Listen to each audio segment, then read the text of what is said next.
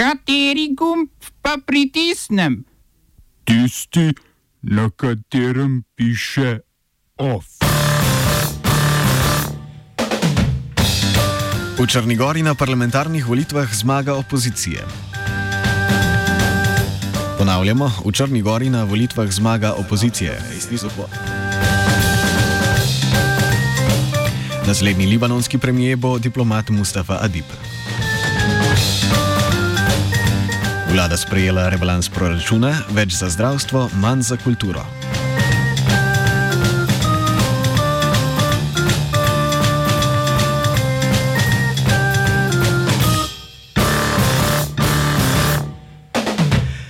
Pozdravljeni. Rezultati včerajšnjih črnogorskih parlamentarnih volitev dokazujejo, da se človek dan danes ne more na nič več zanesti.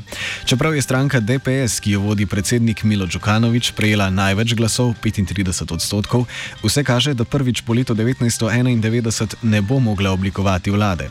Opozicija je namreč dosegla več glasov od vlade koalicije. Opozicijska lista za prihodnost Črne Gore, ki jo vodi stranka Demokratska fronta, je dobila 32,5 odstotka glasov, kar je za 8 odstotnih točk več, kot so ji napovedovali ankete. DPS je zabeležila najslabši rezultat v svoji zgodovini, saj je prvič prejela manj kot 40 odstotkov glasov. Djukanovič, ki je bil v zadnjih 30 letih štirikrat premijer in dvakrat predsednik, bo sicer ostal na položaju predsednika države, a nedvomno so ti rezultati njegov največji poraz. Za usodno napako se je izkazal spor s Srbsko pravoslavno cerkvijo, ki je zakon o verskih skupnostih odvzel lastništvo nad večino verskih objektov. Največ glasov je namreč DPS izgubila v krajih z visokim deležem voljivcev pravoslavne veroizpovedi.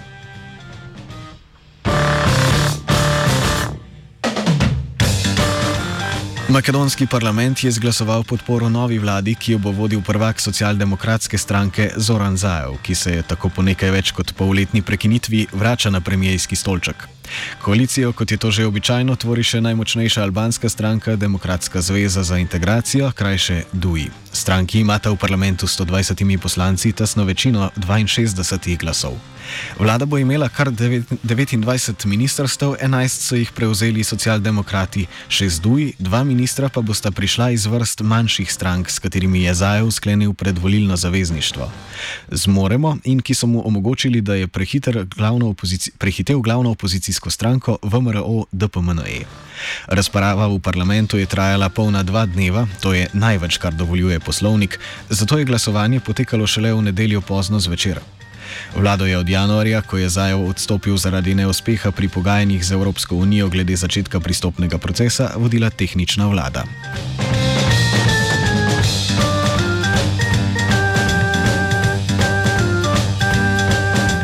Španski premijer Pedro Sánchez je v okviru prvega javnega nastopa po poletnih počitnicah ponudil regionalnim vladam, da, če se jim zdi to potrebno, razglasijo izredno stanje zaradi pospešenega širjenja novega koronavirusa.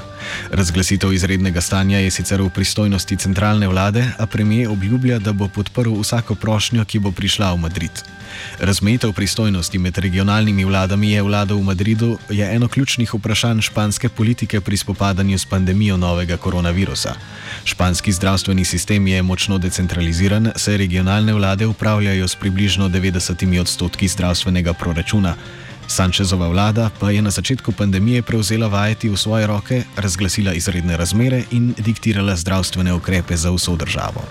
Zaradi teh ukrepov se je vlada v parlamentu, v katerem nima večine, znašla pod plazom kritik. Da bi se izognila tej obveznosti, je vlada, ko se je širjenje bolezni upočasnilo, nadaljne ukrepanje prepustila regionalnim vladam.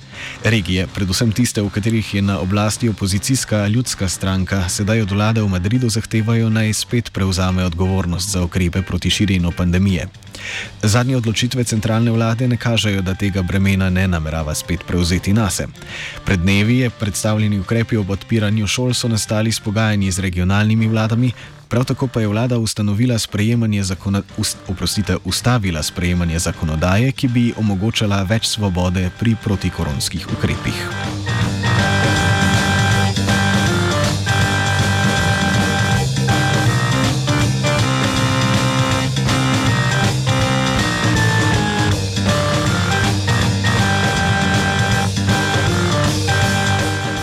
Portlandu v ameriški zvezdni državi Oregon so v soboto potekali protesti proti policijskemu nasilju, na katerih je prišlo do več spopadov s protiprotestniki, ki so prišli podpreti policijo in ameriškega predsednika Donalda Trumpa. Na družbenih omrežjih so zaokrožili posnetki, na katerih so protitrampovski protestniki z avtomobili zapeljali v množico svojih nasprotnikov. O protestih je prišlo tudi do streljanja, v katerem je bil ubit en človek, ni pa jasno, ali je bil dogodek res povezan s protesti. V Portlandu so odnosi med prebivalci in policijo že več let zelo napeti.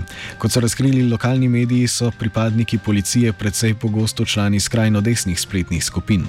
Oregon je sicer politično najbolj polarizirana ameriška zvezdna država, razdeljena na liberalni Portland in konzervativna področja skalnega gorovja.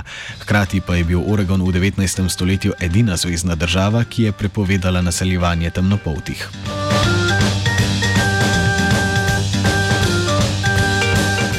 Izraelski premijer Benjamin Netanjahu je povedal, da se Izrael o priznanju Izraela pogaja z več večinsko muslimanskimi državami.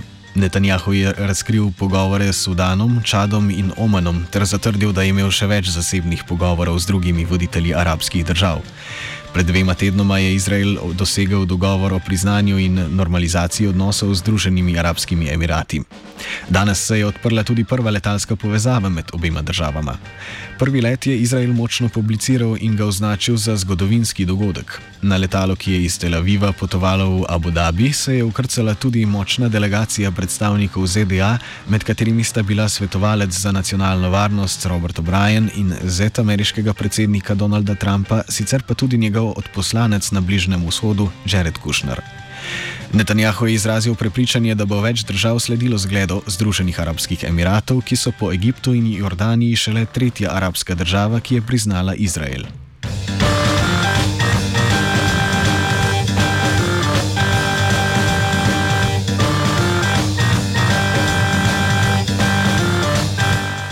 Manj sreče pa ima Netanjahu na notranje političnem področju, saj se je zapletlo pri sprejemu proračuna za leto 2020. Zaradi kaotičnega procesa sestavljanja proračuna je odstopil najvišji uradnik ministerstva Shaul Meridor, ki ga je finančni minister Izrael Katz že obtožil, da poskuša zrušiti premijeja. Sprejemanje proračuna je prejšnji teden že skoraj privedlo do padca vlade, ki je tik pred zdajci za 100 dni podaljšala rok za sprejetje proračuna. Če tega ne bi storila, bi bil parlament avtomatično razpuščen. Zaradi odloga, ki ga je povzročilo troje predčasnih volitev, ima Izrael tako še vedno proračun, ki je bil sprejet za leto 2019.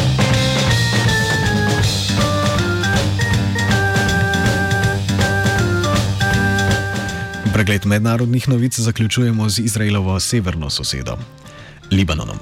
Tamkajšnji politični voditelji so dosegli dogovor o novem mandatarju. Kandidat, ki je bil sprejemljiv za vse, je trenutni libanonski ambasador v Nemčiji Mustafa Adib, ki ima podporo političnih voditeljev.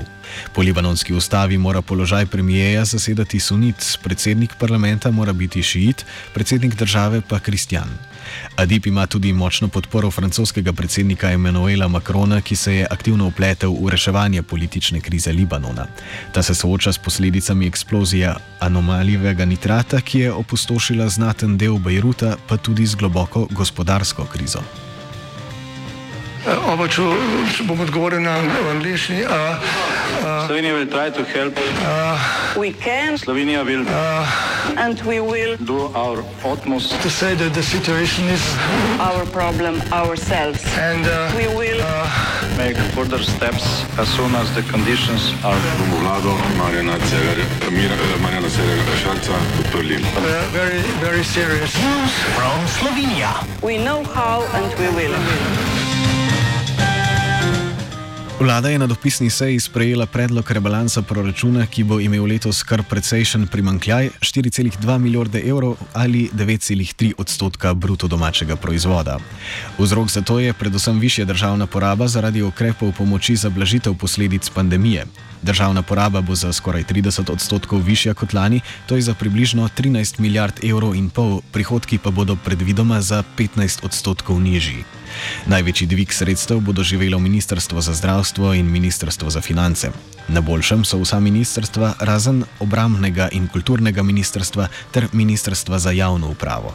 Obrambno ministrstvo je na račun zmanjšane postavke za naravne nesreče in opreme za vojsko izgubilo 31 milijonov evrov. Ministrstvo za kulturo je dobilo 8 milijonov evrov manj, kar bodo občutili predvsem kulturni in medijski programi. Vlada je morala v skladu z zakonom o interventnih ukrepih na javnofinančnem področju sprejeti marca letos rebalans proračuna v državni zbor poslati najkasneje do 1. septembra, sledila pa bo še priprava predloga sprememb proračuna za leto 2021 in predloga proračuna za leto 2022, ki morata biti končana do 1. oktobra.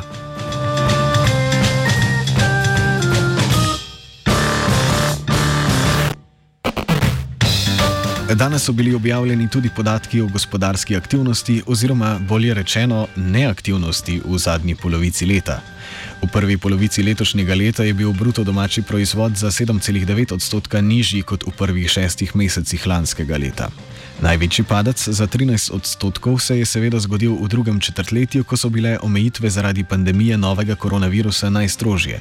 S tem je slovensko gospodarstvo tudi po uradni definiciji v recesiji, ta namreč nastopi, ko se gospodarstvo skrči dve četrtletji zapored.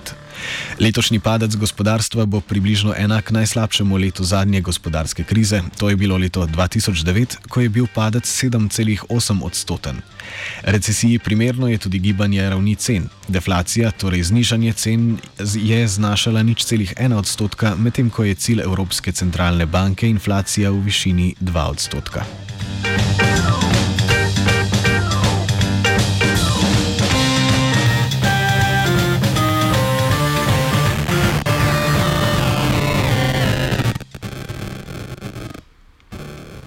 OF je pripravil Gal.